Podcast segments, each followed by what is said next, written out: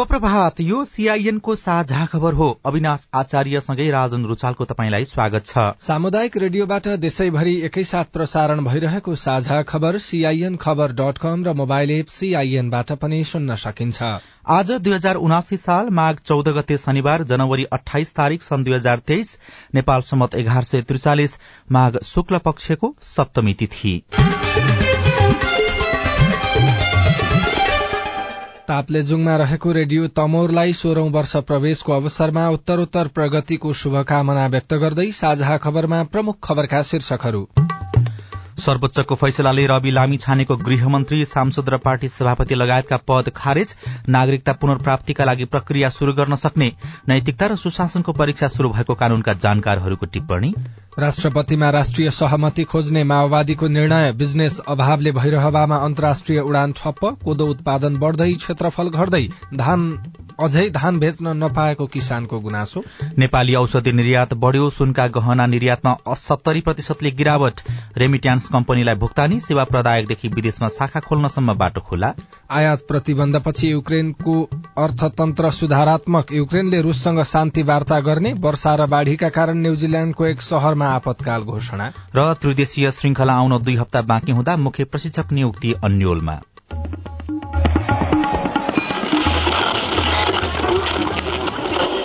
सयौं radio. हजारौं radio कर्मी र करोड़ौं नेपालीको माझमा यो हो सामुदायिक सूचना नेटवर्क सीआईएन साझा खबरको सबैभन्दा शुरूमा सर्वोच्च अदालतको फैसला र रवि लामी छानेको पद खारेज सम्बन्धी प्रसंग सर्वोच्च अदालतको संवैधानिक इजलासले उप प्रधान तथा गृहमन्त्री र सांसद पद बदर गरिदिए पनि विधिपूर्वक नागरिकता लिने राहदानीको अनुसन्धानलाई सघाउने र सफाई पाएमा इज्जतपूर्वक सक्रिय राजनीतिमा फर्किने बाटो रवि लामी छानेका लागि खुला छ। तर उहाँले नैतिक धीरता प्रदर्शन गर्नुहुन्छ कि जसरी पनि शक्तिमा फर्कने खेल खेल्नुहुन्छ प्रश्न उहाँतर्फ सोझिएको छ। अमेरिकी नागरिकता लिएपछि कायम नरहेको नेपालको नागरिकता प्रयोग गरेर प्रतिनिधि सभामा उम्मेद्वार बन्नुभएका कारण उहाँको सांसद पद बदर भएको हो। संवैधानिक इजलासले शुक्रबार गरेको फैसलाका कारण लामिछानेले एकैपटक चार पद गुमाउनु भएको छ। सांसद पद बदर भएसँगै उहाँले उप प्रधान तथा गृहमन्त्री पनि छाड्नु परेको छ। त्यस्तै आफ्नै पार्टीको सभापति र सदस्य बन्न पनि उहाँ अयोग्य साबित हुनुभएको छ। यी सबै पदका लागि नेपाली नागरिक हुन अनिवार्य छ। कायम मुकायम प्रधान न्यायाधीश हरिकृष्ण कार्की नेतृत्वमा न्यायाधीशहरू विश्वम्भर प्रसाद श्रेष्ठ ईश्वर खतिवड़ा आनन्द मोहन भट्टराई र अनिल सिम्हाको संवैधानिक इजलासले लामिछानेका विषयमा निर्वाचन आयोगमा भएका सबै प्रक्रिया बदर गरिदिएको हो। लामिछानेको उम्मेद्वारी कायम गर्ने निर्वाचित घोषणा गर्ने र प्रमाणपत्र दिने आयोगको काम कार्यवाही बदर भएको प्रवक्ता विमल पौडेलले जानकारी दिनुभयो। निजले चितवन जिल्ला निर्वाचन क्षेत्र नम्बर दुईबाट प्रतिनिधि सभा सदस्य पदमा उम्मेद्वार हुन पाउने अवस्था नरहेकोमा उम्मेद्वार भई निर्वाचित समेत भएको देखिँदा निज प्रत्यक्ति रवि लामी छानेलाई उम्मेद्वार कायम गर्ने निजलाई निर्वाचित घोषणा गर्ने प्रमाणपत्र दिने लगायतका काम कारवाही नेपालको संविधानको धारा एक सय तेत्तिसको उपधारा दुई तीन तथा धारा एक सय सैतिस बग्ने उत्प्रेषणको आदेशले बदर हुने ठहर छ। उहाँ गत मंगिर चारमा सम्पन्न प्रतिनिधि सभा निर्वाचनमा चितवन दुईबाट निर्वाचित हुनुभएको थियो। सर्वोच्च अदालतको हिजोको फैसलाले नजिर स्थापित गर्दै भनेको छ विदेशको नागरिकता प्राप्त गरेपछि नेपालको नागरिकता कायम रहँदैन र त्यस्तो व्यक्तिले विदेशको नागरिकता त्यागेपछि नेपालको नागरिकता प्राप्त गर्न सक्दछ तर स्वत होइन यसका लागि प्रक्रिया पूरा गर्नुपर्छ। निर्वाचनका लागि उम्मेद्वारी दर्ता गरे लगत्तै लामी छानेको उम्मेद्वारी खारेज गर्न माग गर्दै रविराज बसौला र युवराज पौडेलले रिट दायर गर्नुभएको थियो। फैसलापछि बसौलाले सबैलाई कानूनी राज्यको प्रत्याभूत गराउनुपर्छ भन्ने अनुभूत गराउन फैसलाले सघाएको प्रतिक्रिया दिनुभएको छ। न्यायालयले जुन खालको फैसला गरेको छ यसले के देखाउँछ भन्दा यो देशमा कानून छ। कानून भन्दा माथि कोही छैन र कानून सबैले पालना गर्नुपर्छ भन्ने सन्देश दिएको छ र यो अहिले अगाडि रवि लामिछानेजी देखिए पनि यो रवि लामिछानेका विरुद्धको मुद्दा होइन। जो यो देशमा केही सिक्ने विदेशमा गएर बस्ने विदेशको नागरिकता लिने र आफूलाई रमाइलो गर्न नेपाल आउने नेपालको सम्पत्तिलाई के गर्ने भनेर मोज मस्तीमा गर्ने यी सबैहरूका विरुद्ध हामीले यदि यो देशमा बस्ने हो भने यो देशको नागरिकका रूपमा बस्नुपर्छ यो देशको कानून मानेर बस्नुपर्छ भन्ने सन्देश हो भन्ने लाग्छ। यो फैसलासँगै लामी छानेको सांसद पदका साथै उप प्रधानमन्त्री एवं गृहमन्त्री र राष्ट्रिय स्वतन्त्र पार्टीको सभापतिको पद पनि स्वत खारेज भएको छ। फैसलापछि लामी छानेले आफू आफू हाल नागरिक नरहेकाले कुनै पनि टिप्पणी नरहेको प्रतिक्रिया दिनुभएको छ। सर्वोच्च अदालत भन्दा माथिल्लो कुनै निकाय छ र अदालतको फैसलालाई त म एकदमै स्वागत गर्छु तर अरू प्रश्नमा त मलाई तपाईँहरू एउटा अनागरिकलाई प्रश्न सोधिरहनु भएको छ। कहाँको नागरिकलाई प्रश्न सोध्नु भयो तपाईँले मलाई? म कहाँको नागरिक हो र मलाई कसलाई क्वेसन सोध्नु भएको नै थाहा छैन मलाई यो प्रश्नको जवाब के दिउँ? राष्ट्रिय स्वतन्त्र पार्टीले डोल प्रसाद डीपी अरियाललाई पार्टीको कार्यवाहक सभापतिको जिम्मेवारी दिएको छ। सर्वोच्च अदालतको फैसलापछि हिजो बसेको राष्ट्रिय स्वतन्त्र पार्टीको केन्द्रीय समितिको आकस्मिक बैठकले अरियाललाई कार्यवाहक सभापतिको जिम्मेवारी दिएको प्रवक्ता डाक्टर मुकुल ढकालले बताउनुभयो। बैठकले अरियाललाई नै दलको नेता बनाउने निर्णय पनि गरेको छ। यसैबीच लामिछानेले पुनः नागरिकता प्राप्त गर्ने प्रक्रिया आइतबार नै अगाडि बढ़ाउने विषयमा पनि छलफल भइरहेको उहाँले बताउनु भएको छ। पुनः नागरिकता लिएर लामिछानेकै नेतृत्वमा पार्टी अगाडि बढ़ने ढकालको भनाइ छ। नागरिकता पुनर्प्राप्तिको प्रक्रियाका बारेमा संविधानविद डाक्टर चन्द्रकान्त गेवालीले सीआईएनसँग भन्नुभयो। उहाँले अब सम्बन्धित जिल्ला कार्यालय जहाँ हो त्यहीँ गएर पुनः प्राप्ति गरिपाउँ भन्ने हो भने फेरि पुनः प्राप्ति गर्न सकिन्छ र नेपालको नागरिक भएको कुरामा विवाद रहेन। नेपाल नागरिक भइसके पछाडि नागरिकता पुनः प्राप्तिमा नगएको कारणले राज्यले स्टेटलेसनेस बनाउन सक्दैन फेरि होइन? पुनः प्राप्ति भइसके पछाडि त सांसदको पद त फेरि लड्नु पर्यो चुनाव होइन? चुनाव लड्नु पर्यो चुनाव लडेपछि सांसद भएपछि फेरि गृहमन्त्री हुने हुने त्यसपछिको कुरा हुन्। र यदि पुनः प्राप्ति भयो भने छ महिनाको लागि चाहिँ फेरि गृहमन्त्री हुन सक्ने त ठाउँ त रहन्छ। रवि लामिछाने आफू विरूद्धको नागरिकता मुद्दा सर्वोच्च अदालतमा विचाराधीन रहेकै अवस्थामा उपप्रधान तथा गृहमन्त्री बन्नुभयो। उहाँले तेत्तीस दिन यो जिम्मेवारी सम्हाल्नुभयो। नागरिकता विवादकै क्रममा चितवन दुईबाट प्रतिनिधि सभा सदस्यमा निर्वाचित हुँदै लामिछाने गत पुष एघार गते उप प्रधान तथा गृहमन्त्री हुनुभएको थियो। गृह मन्त्रालयको जिम्मेवारी पाएपछि लामिछाने चर्चा र आलोचनाको केन्द्रमा छाइरहनुभयो। लामिछानेले गठबन्धन सरकारमा गृह मन्त्रालय पाउनुपर्ने अडान राख्नुभयो।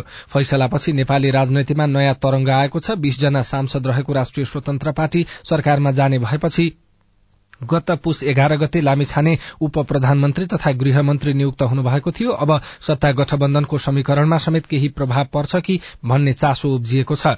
रवि लामिछानेको पद गएसँगै सत्ता समीकरणमा केही फरक पर्छ? सीआईएनको प्रश्नमा संचार तथा सूचना प्रविधि मन्त्री रेखा शर्माले भन्नुभयो। यही कारणले अब सत्ता साझेदार दलमै खलबली आउँछ केही बिग्रिन्छ भन्ने मलाई त्यस्तो लाग्दैन सामान्यतया हेर्दाखेरि अब अरू बाँकी थप कुरा औपचारिक आधिकारिक कुरा त मन्त्रीको बैठक बसेर नै व्यक्त गरौला नि। रवि लामी छानेको मुद्दामा भएको फैसलापछि कानूनविदहरूले नागरिकता लिन सक्ने तर दोहोरो राहदानीको अनुसन्धानलाई सघाउनु पर्ने बताएका छन्। सफाई नपाएसम्म मन्त्री वा कुनै पनि सार्वजनिक पदमा फर्किन नमिल्ने र गृह मन्त्रालयमा आफ्नै सांसदलाई पठाएर स्वार्थको द्वन्द सिर्जना गर्न नहुने पनि कानूनविदहरूले सुझाव दिएका छनृ। नेकपा माओवादी केन्द्रले राष्ट्रपतिमा राष्ट्रिय सहमति खोज्ने निर्णय गरेको छ। केन्द्रीय कार्यालय पेरिस डाँडामा बसेको बैठकले राष्ट्रिय सहमति अनुसार राष्ट्रपति चयन हुनुपर्ने निर्णय लिएको हो। दुई दिनसम्म चलेको बैठकमा प्रधानमन्त्री तथा पार्टी अध्यक्ष पुष्पकमल दाहाल प्रचण्डले आफू एमालेको प्रस्तावमा प्रधानमन्त्री बने पनि विश्वासको मत लिने बेलामा कांग्रेस समेत सामेल भएको भन्दै राष्ट्रपति चुनावमा उसको समेत विश्वास लिएर अघि बढ़नुपर्ने धारणा राख्नु भएको थियो। बैठकमा स्थायी समितिका धेरैजसो नेताहरूले राष्ट्रपति पदमा राष्ट्रिय सहमति हुनुपर्ने धारणा राखेका थिए। अधिकांश नेताले पार्टी अधिकांश नेताले राष्ट्रपतिमा राष्ट्रिय सहमतिका लागि पार्टीले पहल गर्नुपर्ने बताएको बैठकपछि प्रवक्ता कृष्ण बहादुर महराले जानकारी दिनुभयो। राष्ट्रिय सहमतिको जिम्मा भने अध्यक्ष प्रचण्डलाई दिइएको छ। यसैबीच नेपाली कांग्रेसले आउँदो वैशाखमा नीति महाधिवेशन गर्ने भएको छ। महाधिवेशन भएको झण्डै डेढ़ वर्षपछि कांग्रेस नीति महाधिवेशन गर्ने तयारीमा जुटेको हो। नीति महाधिवेशन मार्फत कांग्रेस नयाँ कार्यक्रम तथा नयाँ कार्यक्रमका साथ जनतामाझ पुग्ने तयारी भइरहेको पनि महामन्त्री गगन थापाले जानकारी दिनुभएको छ। फागुन सात गतेभित्र भातृ संस्थालाई पूर्णता दिने र वैशाखमा नीति महाधिवेशन गर्ने तयारी भइरहेको उहाँले बताउनु भएको छ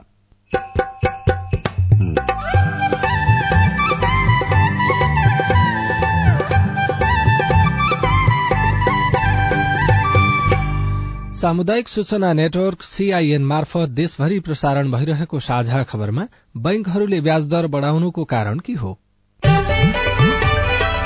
राष्ट्रिय पनि तथ्याङ्क संकलन गर्ने र नदिएको ब्याङ्कहरूमा यो दिनुपर्छ भन्ने खालको दबावहरू यो कुरो पनि गर्नुपर्छ भनेर मैले आग्रह गरेर खोजिदिएँ हो बिजनेस अभावले भैरहमामा अन्तर्राष्ट्रिय उडान ठप्प कोदो उत्पादन बढ़दै तर क्षेत्रफल भने घट्दै अझै धान बेच्न नपाएको किसानको गुनासो लगायतका खबर बाँकी नै छन्। सीआईएनको साझा खबर सुन्दै गर्नुहोला। सबैलाई नमस्कार। अध्यक्ष उपाध्यक्ष सदस्य सबै पो आउनुभएछ त? हामी त विपद व्यवस्थापनमा जनप्रतिनिधिको भूमिकाकै बारेमा पो छलफल गर्दै थियौं। अनि के छ निष्कर्ष सुनौ न त? बाढ़ी पहिरो भूकम्प लगायतका विपदको समयमा महिलाका समस्या सम्बोधन गर्न पालिकाले अझ धेरै काम गर्न सक्छ भन्ने हाम्रो बुझाइरह्यो। विपद सम्बन्धी स्थानीय नीति कानून मापदण्ड बनाउने र कार्यान्वयन अनुगमन नियमनको अधिकार स्थानीय सरकारलाई छ। त्यसमा महिलाको पनि सहभागिता बढाउनु पर्यो। पालिकाको अध्यक्ष मै छु। पाएको अधिकार अनुसार हामी बनेको कानून कार्यान्वयन गर्ने अनि आवश्यक कानून बनाउने चरणमै छौ। अब तपाईँका सुझाव पनि समेटिन्छन् है। विपदको तयारी र प्रतिकार्यका लागि पालिकामा रहेको संयन्त्र र योजना अनि नीतिहरू महिला बालबालिका अपाङ्गता भएका यौनिक अल्पसंख्यक समुदायका व्यक्तिको आवश्यकतामा आधारित हुनु पर्यो अध्यक्षज्यू।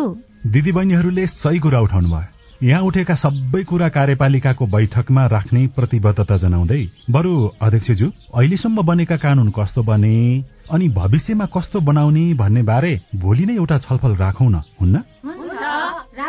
विपद पहिले विपदको बेला र विपद पछि कस्तो नीति बनाउने र महिलालाई कसरी सम्बोधन गर्ने भन्ने बारेमा भोलि नै सर्वपक्षीय बैठक गरौं। आएका सुझाव समेटेर बनेका कानून संशोधन र नयाँ कानून बनाउन पालिका तयार छ। विपद सम्बन्धी कानून निर्माण र कार्यान्वयनमा महिलाको अर्थपूर्ण सहभागिता खोजौं। युएन उमनको सहयोगमा ल्याक र अकोराब नेपाल। खै यतै कतै कतै भन्थे यता हो कि तल कि माथि कता सर नमस्ते। हजुर नमस्ते नमस्ते। हजुर के सेवा गरौं? सूचनाको हक भन्ने बारेमा रेडियो टिममा खुब सुनिन्थ्यो। हजुर। आज पालिकामा छिरेको बेलामा सोधिहाले हजुरलाई। तपाईँले सही व्यक्तिलाई सही प्रश्न सोध्नुभयो। म चाहिँ यो पालिकाको सूचना अधिकारी हुँ। सूचनाको हक भनेको संविधान कानूनमा उल्लेख भएको नागरिकको अधिकार हो हजुर। अनि यो अधिकार त पत्रकारले मागे पाए भन्ने मात्रै सुनिन्छ त। हामी जस्ता सामान्य मानिसले कसरी प्रयोग गर्ने? सूचना माग्ने पत्रकारले मात्रै होइन। कुनै पनि नेपाली नागरिकले सूचना प्राप्त गर्ने कारण उल्लेख गरी सम्बन्धित सूचना सूचना अधिकारी समक्ष निवेदन दिनुपर्छ। विधि र प्रक्रिया पूरा गरी निवेदन प्राप्त भयो भने सूचना अधिकारीले पन्ध्र दिन भित्रमा उपलब्ध गराउनु पर्ने सूचनाको हक सम्बन्धी ऐनमा भनिएको छ। पन्ध्र दिन पो कुर्नु पर्ने व्यक्तिको जीवनको सुरक्षासँग सम्बन्धित सूचना माग गरिएको हो भने नि हजुर। चौबिस भित्रै जानकारी दिनुपर्छ। अनि सरकारी वा सार्वजनिक निकायका अधिकारीले सूचना लुकाएमा पच्चिस हजारसम्म जरिवाना हुने व्यवस्था ऐनमा छ। त्यसका लागि चाहिँ राष्ट्रिय सूचना आयोगमा पुनरावेदन गर्नुपर्छ। अनि यो सूचना माग्दा पैसा पनि लाग्छ? लाग्दैन लाग्दैन। निवेदन उजुरी र पुनरावेदन गर्दा पैसा लाग्दैन। सम्बन्धित निकायले दिने सूचना दस पन्ना भन्दा बढीको भएमा चाहिँ प्रति पन्ना पाँच रुपियाँ तिर्नुपर्छ। ल कुरो बुझ्यो। अब भोलि नै म पनि सूचना माग्न आउँछु। हस् हस्। अस्ट्रेलिया सरकार र द एसिया फाउन्डेशनको साझेदारीमा सञ्चालित स्थानीय सरकार सबलीकरण कार्यक्रम र अकोराब नेपाल। सामाजिक रूपांतरण का लागि यो हो सामुदायिक सूचना नेटवर्क सीआईएन तपाईँले देशभरिका सामुदायिक रेडियो सीआईएन खबर डट कम र मोबाइल एप सीआईएनबाट एकैसाथ साझा खबर सुन्दै हुनुहुन्छ। अब आज काठमाडौँबाट प्रकाशित पत्र पत्रिकाका खबर। नागरिक दैनिकको पहिलो पृष्ठमा बिजनेस अभावले भइरहवामा अन्तर्राष्ट्रिय उडान ठप्प भएको खबर छ। रेखा भूषालले बुटवलबाट यो खबर लेख्नु भएको छ। नेपालको चौहत्तर वर्षीय हवाई इतिहासमा पहिलो पटक काठमाडौँ बाहिर भइरहवामा गौतम बुद्ध अन्तर्राष्ट्रिय विमानस्थल सञ्चालनमा आउँदा आधा दर्जन भन्दा बढ़ी विदेशी एयरलाइन्सले उडान भर्न चाहेको बताइएको थियो। गत जेठ दुई गते विमानस्थल उद्घाटन समारोहमै नेपाल नागरिक उड्डयन प्राधिकरणका अधिकारीहरूले केही महिनाभित्रै अन्तर्राष्ट्रिय वायु सेवा कम्पनी भइरहवा आउने बताएका थिए। SriLankan air fly Dubai Thai Smile Gulf Air Oman Air Qatar Air Salam Air लगायत एघार मुलुकका एयर कम्पनीले भइरहवाबाट उडान भर्न इच्छुक रहेको बताइएको थियो। तर गौतम बुद्ध अन्तर्राष्ट्रिय विमानस्थल पछिल्लो एक महिनादेखि ठप्प छ। आन्तरिक उडान पनि प्रतिकूल मौसमका कारण घटेका छन्। विमानस्थलमा चहल पहल शून्य प्राय छ। कर्मचारी फुर्सदिला छन्। विमानस्थलकै मुख हेरेर अर्बौं लगानी गरेको निजी क्षेत्र निराश देखिएको छ खबरमा भनिएको छ। कान्तिपुर दैनिकको अर्थ वाणिज्य पृष्ठमा कोदो उत्पादन बढ़दै गएको तर क्षेत्रफल भने घट्दै गएको खबर सीमा तामाङले लेख्नु भएको छ। हेपाहा बालिका रूपमा चिनिएको कोदो उत्पादन बढ़दै गए पनि क्षेत्रफल भने घटिरहेको छ। कृषि विभागको तथ्याङ्कले पछिल्लो आठ वर्षमा उत्पादन र उत्पादकत्व बढ़दै गएको देखिएको छ। कोदोले ओगट्ने क्षेत्रफल भने वर्षेनी घटिरहेको छ। आर्थिक वर्ष सत्तरी एकहत्तरमा दुई लाख एकहत्तर हजार एक सय त्रियासी हेक्टर क्षेत्रफलमा कोदो उत्पादन भए पनि आर्थिक वर्ष छयत्तर सतहत्तरसम्म आइपुग्दा घटेर दुई लाख बैसठी हजार पाँच सय सत्तालिस हेक्टरमा सीमित थियो। तर आर्थिक वर्ष सतहत्तर अठहत्तरमा भने दुई लाख आठ हजार चौन्न हेक्टर क्षेत्रफलमा बढ़ेको कृषि मन्त्रालयको तथ्याङ्कमा देखाइएको छ।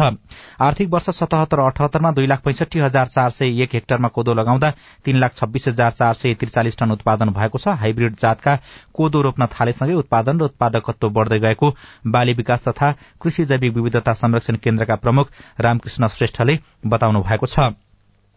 तर कोदो उत्पादन बढ़दै गएको भए पनि धान भने नबिकेको किसानको गुनासो छ अन्नपूर्ण पोस्ट दैनिकले खबर छापेको छ। नेपाल सरकारले धानको खरिद मूल्य निर्धारण गरेको चार महिना बित्यो तर किसानले भने धान खरिदमा ढिलो भएको गुनासो गरिरहेका छन्। प्रविधिको प्रयोगसँगै धान काट्न सहज भएको छ तर धान काट्न सहज बनेपछि किसानले छिट्टै घरमा धान भित्राएका थिए। तर सरकारले धान किन्न ढिलाइ गरेपछि गाउँ गाउँमा पुगेर व्यापारीले धान किन्न शुरू गरेको महिनौ हुँदा समेत किसानको धान किन्न सरकारले भने व्यवस्था गरेको जनकपुरका किसानले बताएका छन्। नयाँ पत्रिका दैनिकमा बढ़्यो नेपाली औषधिको निर्यात शीर्षकको खबर मन्जु टेलरले लेख्नु भएको छ। स्वदेशी उत्पादनले पैंतालिस प्रतिशत औषधिको बजार धानिरहेको नेपालमा निर्यात समेत बढ़न थालेको छ। व्यापार तथा निकासी प्रवर्धन केन्द्रको तथ्याङ्क अनुसार दुई हजार अठहत्तर उना अस्सीमा एक अर्ब सत्ताइस करोड़को औषधि निर्यात भएको छ। दुई हजार सतहत्तर अठहत्तरमा झन धेरै एक अर्ब नब्बे करोड़को औषधि निर्यात भएको थियो। दुई हजार अडसठी उनसत्तरीमा अस्सी करोड़ बराबरको निर्यात भएकोमा दश वर्षपछि निर्यात दोब्बर भएको हो। खास गरी एलोप्याथी औषधिको कच्चा पदार्थ र इन्जेक्शन जन्य औषधिका लागि आयातमै निर्भर रहेकोमा कतिपय औषधिको उत्पादन थपेसँगै निर्यात पनि बढ़ेको छ। शल्य क्रियाका क्रममा लठ्याउन प्रयोग गर्नेदेखि क्यान्सरका बिरामीलाई दिइने सम्मका औषधि नेपालबाट विभिन्न उन्नाइस देशमा पुग्छ तर सरकारी कम्पनीको उत्पादन भने सिटामोल र जीवनजलमै सीमित भएको खबरमा भनिएको छ। औषधिको निर्यात बढ़े पनि सुनका गहना निर्यात भने सत्तरी प्रतिशतले घटेको छ नयाँ पत्रिका दैनिकमै खबर छ। चालू आर्थिक वर्ष उनासी अस्सीको पुष मसान्तसम्म अघिल्लो वर्षको सोही अवधिको तुलनामा सुनका गरगहना निर्यात उनासत्तरी दशमलव पाँच दुई प्रतिशतले घटेको छ। भन्सार विभागले हालै सार्वजनिक गरेको वैदेशिक व्यापार सम्बन्धी तथ्याङ्कले यस्तो देखाएको हो। र रेमिट्यान्स कम्पनीलाई भुक्तानी सेवा प्रदायकदेखि विदेशमा शाखा खोल्नसम्म बाटो खुल्ला शीर्षकमा नयाँ पत्रिका दैनिकमै अर्को खबर पनि छापिएको छ। विदेशी कम्पनीको एजेन्ट तथा सफ्टवेयर प्रयोग गरेर रेमिट्यान्स कारोबार गर्दै आएका विप्रेशन कम्पनीले पनि अब न्यूनतम चुक्ता पुँजी दश करोड़ रूपियाँ कायम गर्नुपर्ने भएको छ। हाल त्यस्ता विप्रेशन कम्पनीहरूको न्यूनतम चुक्ता पुँजी दुई करोड़ रूपियाँ र विदेशी प्रिन्सिपल कम्पनीको दश करोड़ रूपियाँ हुनुपर्ने व्यवस्था छ। अब सबै प्रकारका रेमिट्यान्स कम्पनीले न्यूनतम दश करोड़ रूपियाँको चुक्ता पुँजी कायम गर्नुपर्ने भएको हो। साझा खबरमा अब हेलो सीआईएन सजना तिमल सीआईएनको इमेल ठेगाना साझा खबर at the rate Gmail dot कममा तनहुबाट एकजना कृषकले आफूसँग एउटा हाते ट्र्याक्टर रहेको र यसलाई बजारसम्म लगेर पेट्रोल हाल्न नसक्ने भन्दै अब के गर्ने भनेर आफ्नो समस्या लेख्नु भएको छ। यो समस्या सुनेपछि नेपाल आयल निगमका प्रवक्ता विनित मणि उपाध्यायको जवाब छ। उहाँले स्थानीय प्रशासनलाई जानकारी गराउनु पर्यो आफ्नो कार्डहरू देखाउनु पर्यो म किसान म के अरे मेरो यस्तो हो आफ्नो समस्या बताउनु पर्यो। त्यहाँ समस्या बताइसकेपछि स्थानीय प्रशासनको पहलमा उहाँले सम्बन्धित पेट्रोल पम्पबाट लिँदाखेरि त केही समस्या हुँदैन। सीआईएनको फेसबुक पेजमा महेश ठकुरीले नागरिकता र पासपोर्टमा बुवाको ठेगाना फरक भएकाले विदेश जाँदा समस्या पर्छ कि पर्दैन भनेर सोध्नु भएको छ। महेशजी तपाईँको जिज्ञासा मेटाइदिनको लागि हामीले राहदानी विभागका प्रवक्ता दुरपदा सापकोटालाई अनुरोध गरेका छौं। त्यस्तो केसमा चाहिँ जसको ठेगानामा भनौँ न पहिला नागरिकतामा एउटा ठेगाना र पछाडि सराएपछि अर्को ठेगाना भएको केसमा चाहिँ उहाँले कतै खास त नर्मल्ली त्यो अन्डरस्टुड पनि हुन्छ तर केही कन्फ्युज भएर कुनै कोही पेस गर्दा के गर्दा सोधनी भयो भने उहाँले पछाडि सराएको कागज चाहिँ सबै राख्न सक्नुहुन्छ। यस्तो केसमा चाहिँ बनाइ परिवर्तन गरिराख्नु चाहिँ पर्दैन। मेरो नाम राजेन्द्र भण्डारी पञ्चतल विनायक नगरपालिका श्री देवी मावि पुलेतोलाको लेखापाल बोल्दैछु। यो कक्षा बाह्रको आवेदन फर्मको हामी क्लियर चाहिँ भएनौँ। ठाउँमा बुझ्दाखेरि कसले चाहिँ पन्ध्र गते भन्ने अनि चाहिँ कसले पछि कसले सूचना पक्नुहोस् भन्ने अनि त्यसरी विद्यार्थीहरूलाई डबल दस्तुर पर्ने अवस्था आउन सक्छ। त्यसकारणले यसको सम्बन्धित निकायबाट जवाब चाहेको अवस्था छ। भन्ने यस विषयमा हामीलाई सीआईएनको फेसबुक पेजमा पनि प्रश्नहरू आएका छन्। यी प्रश्न सुनिसकेपछि राष्ट्रिय परीक्षा बोर्ड अन्तर्गत कक्षा बाह्रका उपनियन्त्रक कृष्ण घिमिरेको जवाब छ।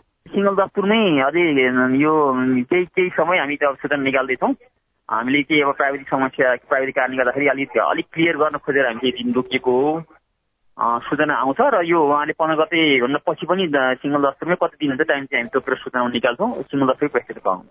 तपाईँ जुनसुकै बेला हाम्रो टेलिफोन नम्बर शून्य एक बान्न साठी छ चार छमा फोन गरेर आफ्नो प्रश्न जिज्ञासा गुनासा समस्या अनि प्रतिक्रिया रेकर्ड गर्न सक्नुहुनेछ। साझा खबरमा अब विदेशका खबर चरम वित्तीय संकट खेपेको श्रीलंकाको अर्थतन्त्रमा सुधार देखिएको छ। अर्थतन्त्र सुधार गर्न भन्दै सन् दुई हजार बाइसमा चार सय भन्दा बढ़ी वस्तुको आयातमा रोक लगाइएपछि त्यस यता दुई अर्ब पचास करोड़ भन्दा बढ़ी अमेरिकी डलर बचत भएको श्रीलंकाका वित्त राज्यमन्त्री रंजित साम्बाला पिटियाले जानकारी दिनुभएको छ। बचत भएको रकमबाट इन्धन औषधि मल लगायतका अत्यावश्यक वस्तु आयात गरिएको छ। युक्रेनले रूससँग कुनै पनि अवस्थामा शान्ति वार्ता नगर्ने अडान लिएको छ। युक्रेनका राष्ट्रपति भ्लोदिमिर जेलेन्स्कीले रूस सम्झौताको पक्षमा नभएको भन्दै वार्ता गर्न नहुने बताउनु भएको छ। युक्रेन र रूसबीच लामो समयदेखि युद्ध चलिरहेको छ। दुई देशका प्रमुख बीच शान्ति वार्ता हुनुपर्ने बहस भइरहँदा युक्रेनको यस्तो प्रतिक्रिया आएको हो। र लगातारको वर्षापछि आएको बाढ़ीका कारण न्यूजील्याण्डको सबैभन्दा ठूलो शहर अकल्याण्डमा आपतकालको घोषणा गरिएको छ। बाढ़ीका कारण शहरमा यातायात र विद्युत सेवा अवरूद्ध भएको छ। तीव्र गतिको बाढ़ीले घरहरू समेत बगाउन सक्ने सम्भावना बढ़ेपछि आपतकाल घोषणा गरिएको त्यहाँका अधिकारीले बताएका छन्। त्यहाँका राष्ट्रिय पूर्वानुमानकर्ताले हिउँदमा हुने वर्षाको पचहत्तर प्रतिशत वर्षा पछिल्लो पन्ध्र घण्टाभित्र भएको जानकारी दिएका छनृ। साझा खबरमा अब खेल खबर। नेपाल क्रिकेट संघ क्यानले घरेलु मैदानमा हुने त्रिदेशीय एक दिवसीय श्रृंखलाका लागि अठाइस जना खेलाड़ीलाई बन्द प्रशिक्षणमा बोलाएको छ तर मुख्य प्रशिक्षक नियुक्तिको प्रक्रिया भने तत्कालै टुंगो लाग्न नसक्ने देखिएको छ।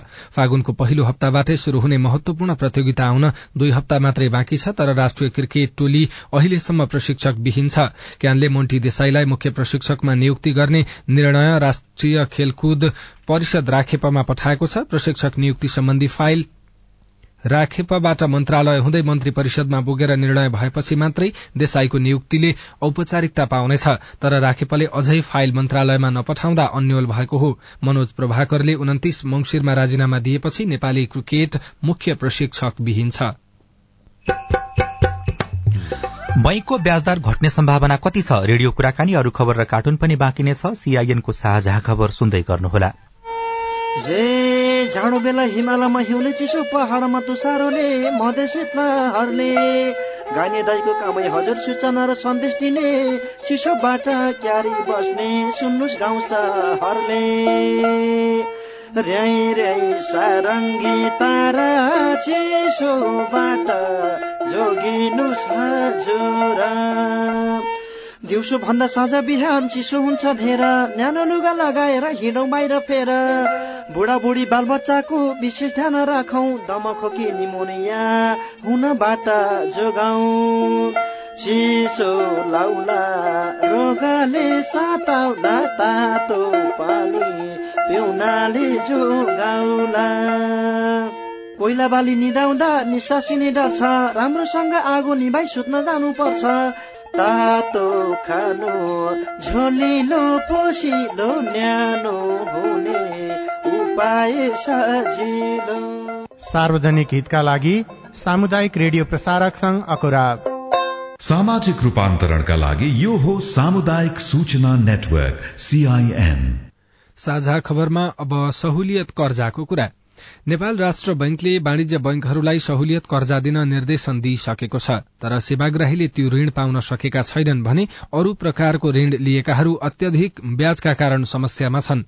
बैंकको ब्याज घट्ने सम्भावना र सहुलियत कर्जाको नीति कार्यान्वयन नहुनुको कारणबारे हामीले राष्ट्रिय वाणिज्य बैंकका प्रमुख कार्यकारी अधिकृत किरण कुमार श्रेष्ठसँग कुराकानी गरेका छौं। ब्याङ्कले रहरले चाहिँ नाफै बढी कमाऊ भन्ने आधारमा दिएको छ भने ब्याजहरू बढाइएको होइन। सात आठ पर्सेन्टमा लिइरहेको मुद्दतीहरू बाह्र तेह्र पर्सेन्टसम्म दिनुपर्ने हो हिजो दुई तिन पर्सेन्टसम्म पाइने बचतहरू त्यो छ सात पर्सेन्टसम्म पुग्ने भयो भनेपछि त्यसको चाहिँ प्रतिक्रिया चाहिँ केमा पर्न गयो भन्दाखेरि लोन नपर्ने भयो। के छ भने अहिले नयाँ अझ फेरि यो निक्षेपको ब्याजहरू घट्दै गइरहेको छ र कर्जाको ब्याजहरू पनि के छ भन्दाखेरि घट्दै गइरहेको स्थिति छ। हिजोको स्थितिमा फर्किनको लागि के भयो भने त्यस्तो स्थिति फेरि आउन सक्छ र अलि खुकुलो हुन सक्छ ऋणीहरूलाई। नेपाल सरकारले जुन खर्च गरे पुँजीगत खर्चहरू छ पुँजीगत खर्च पनि अहिले पनि भर्खरै चौध पन्ध्र पर्सेन्ट मात्रै भइरहेको छ। यो खर्चलाई पनि बढाइयो। पैसा चाहिँ ब्याङ्कमा चाहिँ के अरे बजारमा निस्कन थाल्यो भन्ने खालको कुरो भयो भने हुन्छ? र बाहिरबाट आउने रेमिट्यान्सहरूलाई पनि हामीले ब्याङ्किङ च्यानलमा ल्याउनलाई प्रोत्साहित गर्यौँ र सहजीकरण गऱ्यौँ भनेदेखि के हुन्छ स्वाभाविक रूपले ब्याङ्कमा चाहिँ निक्षेपहरू बढ्न थाल्छ र निक्षेप बढ्नु साथै त्यो निक्षेपको ब्याज स्वत घट्छ त्यो साथै हामी कर्जामा स्वत घटिहाल्छ। त्यसले गर्दाखेरि दुई तिन महिनामा चाहिँ फेरि हामी चाहिँ एउटा सहजतातर्फ फर्कन्छौँ कि जस्तो लागिरहेको छ। तपाईँको विश्लेषण चाहिँ के हो? कुन ब्याङ्कबाट कस्तो प्रकारको ब्याङ्कबाट त्यो ऋण लिएर समृद्ध बन्न सकिन्छ? सरकारले नौ प्रकारको चाहिँ सहुलियतपूर्ण कर्जा ल्याएको छ। त्यो सहुलियतपूर्ण कर्जाहरू भनेको चाहिँ एकदमै के छ भने सस्तो कर्जाहरू हुन्। र त्यसमा पनि के छ त्यो परियोजना मात्रै भित्र रहन्छ एक्स्ट्रा कोलाटरल राख्नु पर्दैन पनि भनेको छ।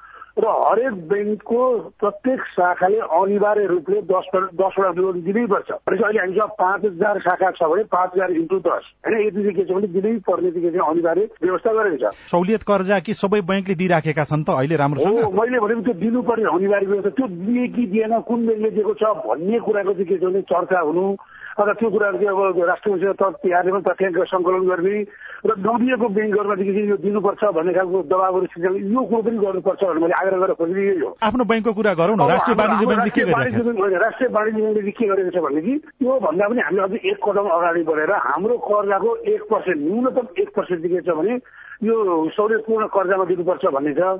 अहिले हामीले के छ भने त्यो सहुलियत पूर्ण गरेर तिन अरब पन्ध्र करोड रुपियाँ के छ भने अस्ति पुष्प शान्तिसँग हामीले वितरण गरिसकेका छौँ। अनि त्यसले गर्दाखेरि हामीले हरेक शाखाहरूबाट यो गरेको छ। हरेक शाखामा दसवटा भन्यो भने हामीले दसवटा भन्दा पनि बढी यो चाहिँ के छ भन्दाखेरि त्यो दिइरहेको तथ्याङ्क हामीसँग छ। यो बढाएर सबै युवा जसले केही गर्न चाहन्छ तपाईँहरूले पुर्याउन सक्नुहुन्छ त? सबै माग जतिको सकिँदैन त्यो कुरो त अब यति धेरै ठुलो होइन जुन खालको चाहिँ डिमान्ड छ। त्यसैले गर्दाखेरि के छ भने यसमा चाहिँ एउटा भने सबै ब्याङ्कहरूले यही प्रकारको नीति लागू गर्नुपर्छ र सरकार अथवा राष्ट्र ब्याङ्कले जुन निर्देशन जारी गरेको छ त्यो निर्देशन भयो नभएको कडा निगरानी गर्नुपर्छ भनेर मैले आग्रह गरेर चाहेको नै यही हो। अनि राष्ट्र ब्याङ्कको भूमिका जुन प्रकारले अनुगमन गर्ने निर्देशन गर्ने हुनु पर्थ्यो त्यसबाट तपाईँ सन्तुष्ट हुनुहुन्न त्यसो भए। अहिले यसो हो कि अब उहाँहरूले पनि गरिरहनु भएको छ तर अझै पनि के छ भनेदेखि अझै अझै अझै कडाइ गरेर लानुपर्छ भन्ने मेरो आग्रह मात्रै हो। ऋणका कारणले गर्दा अथवा आर्थिक अभावको कारणले गर्दा छटपट्टि राखेका व्यक्तिहरूलाई अथवा उद्यमीहरूलाई तपाईँको सन्देश के हो? साना साना सहुलियतपूर्ण कर्जाहरू पनि छन् त्यसको प्रोसेसर छन् त्यसले गर्दा त्यो हाम्रो नजिकको शाखाहरूमा जानुपर्छ उद्यमको लागि जानुपर्छ। यदि त्यहाँहरू भएन भने उहाँले हाम्रो हेड अफिसमा त्यो कम्प्लेनहरू राख्न सक्नुहुन्छ कुराहरू पर्छ तर हामीले यो जुन ब्याङ्कले दिएको कुराहरू के हुन् कसो हुन् भन्ने खालको कुराहरूलाई बुझाउनको लागि स्थानीय निकायहरू जुन हामी स्थानीय निकायहरू अहिले सात त्रिपन्न ठाउँमै छ स्थानीय निकायहरूले पनि के छ भने आफ्नो ठाउँको मान्छेलाई यो कुराको सजगता गर्ने ब्याङ्कहरूमा पुर्याउने र सहजीकरण गर्ने र हामीले पनि के छ उहाँहरूको कुराहरू सुन्ने र जुन सरकारले जुन कार्यक्रम अगाडि लिएर जाने कुरा गरियो भने मलाई लाग्छ यसको समाधान गर्दै जान सकिन्छ भन्ने लाग्छ। कुराकानीसँगै हामी साझा खबरको अन्त्यमा आइपुगेका छौं। सामुदायिक रेडियो प्रसारक संघद्वारा संचालित सीआईएनको बिहान छ बजेको साझा खबर सक्नु अघि मुख्य मुख्य खबर फेरि एकपटक। सर्वोच्चको फैसलाले रवि लामिछानेको गृहमन्त्री सांसद र पार्टी सभापति लगायतका पद खारेज नागरिकता पुनर्प्राप्तिका लागि प्रक्रिया शुरू गर्न सक्ने नैतिकता र सुशासनको परीक्षा शुरू भएको कानूनका जानकारहरूको टिप्पणी। राष्ट्रपतिमा राष्ट्रिय सहमति खोज्ने माओवादीको निर्णय बिजनेस अभावले भइरहँदामा अन्तर्राष्ट्रिय उडान ठप्प कोदो उत्पादन बढ़दै तर क्षेत्रफल भन्ने घट्दै। नेपाली औषधि निर्यात बढ़्यो सुनका गहना निर्यातमा सत्तरी प्रतिशतले गिरावट रेमिट्यान्स कम्पनीलाई भुक्तानी सेवा प्रदायकदेखि विदेशमा शाखा खोल्नसम्म बाटो छुट। आयात प्रतिबन्धपछि श्रीलंकाको अर्थतन्त्रमा सुधार युक्रेनले रूससँग शान्ति वार्ता नगर्ने वर्षा र बाढ़ीका कारण न्यूजील्याण्डको अकल्याण्डमा आपतकालको घोषणा। र त्रिदेशीय श्रृंखला आउन दुई हप्ता बाँकी हुँदा मुख्य प्रशिक्षकको नियुक्तिमा अन्यल। साझा खबरको अन्त्यमा कार्टुन लिएका छौं थाहा खबर डट कमबाट। यो कार्टुन अनुप गुरूङले बनाउनु भएको हो। यहाँ हिजो मात्रै फैसला आएको जुन विषय छ रवि लामिछानेको विषय त्यही विषयलाई व्यङ्ग्य गर्न खोजिएको छ। रवि लामिछाने जस्ता देखिने व्यक्तिलाई कानूनी कटघरामा उभ्याइएको छ। अगाडिपट्टि चाहिँ न्यायाधीश जस्ता देखिने व्यक्तिले केही फैसला सुनाउन खोजिरहेका छन्। उहाँमाथि एक खालको भरोसा पनि थियो। कतिपय नेपालीको कतिपयले देश विकास र सुशासनको अपेक्षा पनि गरेका थिए। तर रवि लामिछानेको अब राजनीतिक भविष्य के हुन्छ भन्ने कुरा तत्कालै अनुमान गर्न सक्ने अवस्था छैन। त्यही कुरालाई व्यङ्ग्य गर्न खोजिएको छ र माथि चाहिँ यस्तो लेखिएको छ। भ्रष्टाचार गर्दिन भन्ने सुशासन ल्याउँछु भन्ने न्याय दिन्छु भन्ने नेपाली नेता हुनै सक्दैन। तपाईँ कुन देशको नागरिक हो? हस्त प्राविधिक साथी सुनिल राज भारतलाई धन्यवाद। अहिलेलाई राजन रुचाल र अविनाश आचार्य विदा भयौं। तपाईँको आजको दिन शुभ होस्। नमस्कार। यसपछि देशभरिका सामुदायिक रेडियोबाट कार्यक्रम सोधी खोजी प्रसारण हुनेछ। सुन्ने प्रयास गर्नुहोला।